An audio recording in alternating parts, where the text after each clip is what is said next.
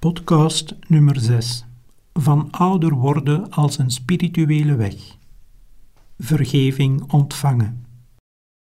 Vandaag is dit huis redding ten deel gevallen, want de mensenzoon is gekomen om te zoeken en te redden wat verloren was. Lucas 19, vers 10.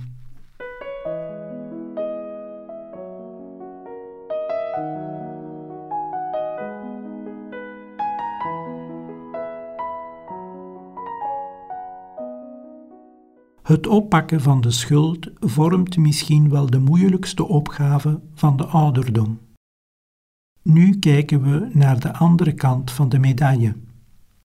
Was in de vorige podcast het thema de vergeving die ik anderen schenk? Nu gaat het om de vergeving die ik zelf nodig heb.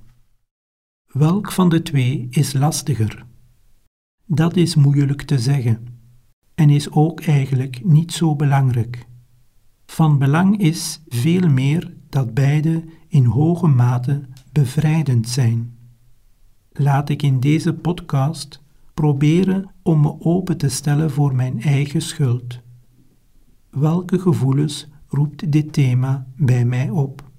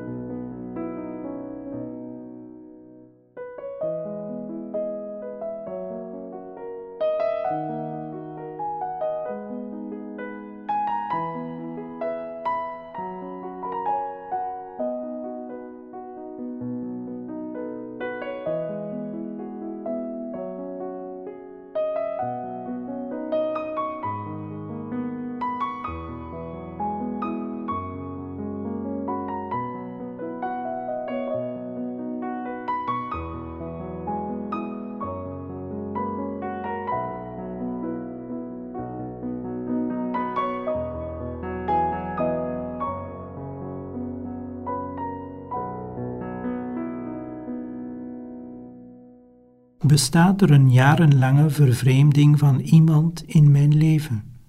Zijn er gebeurtenissen in mijn levensgeschiedenis die mij zwaar op de maag liggen en waar ik maar liever niet aan denk? Het zit me misschien al tientallen jaren niet lekker, maar ik weet er geen raad mee. Het is me wel duidelijk dat ik daar niet juist heb gehandeld, maar ja. Ik durf het niet ter sprake te brengen. Zeker niet bij het slachtoffer, want ik heb geen idee hoe de ander gaat reageren. En dus stop ik het maar weg, hoewel dat eigenlijk niet lukt. Als ik eerlijk ben, moet ik toegeven dat het me echt dwars zit. Is nu misschien toch de tijd gekomen om excuses te maken? De ander lijdt er zeker ook onder. Misschien is er toch bevrijding mogelijk. Laat ik het eens echt onder ogen zien.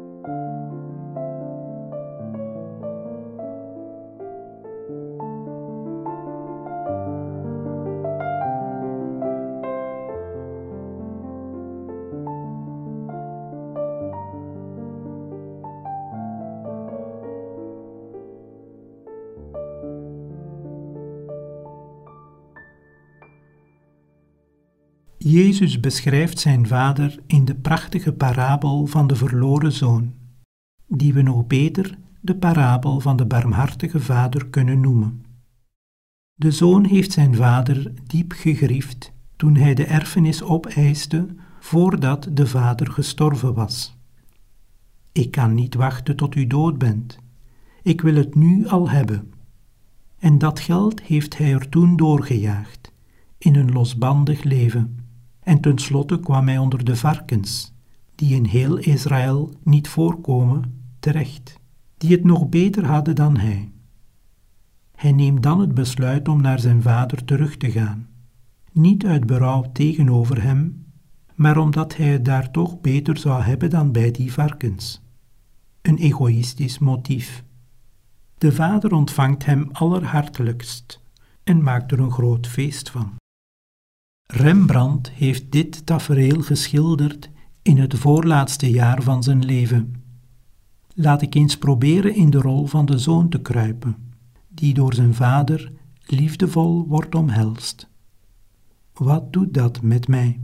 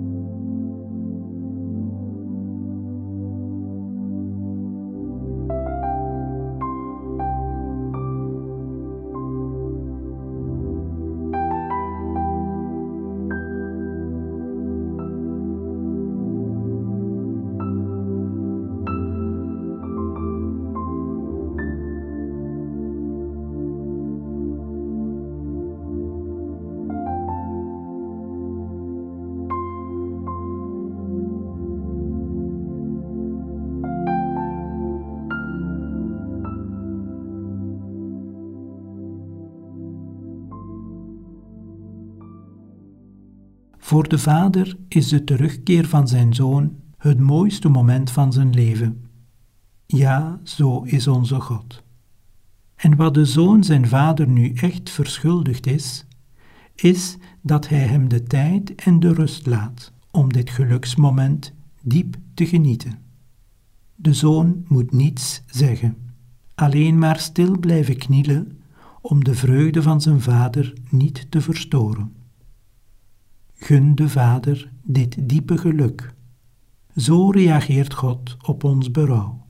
Ook al is dat niet van het zuiverste gehalte en speelt daar ook eigen belang een rol in.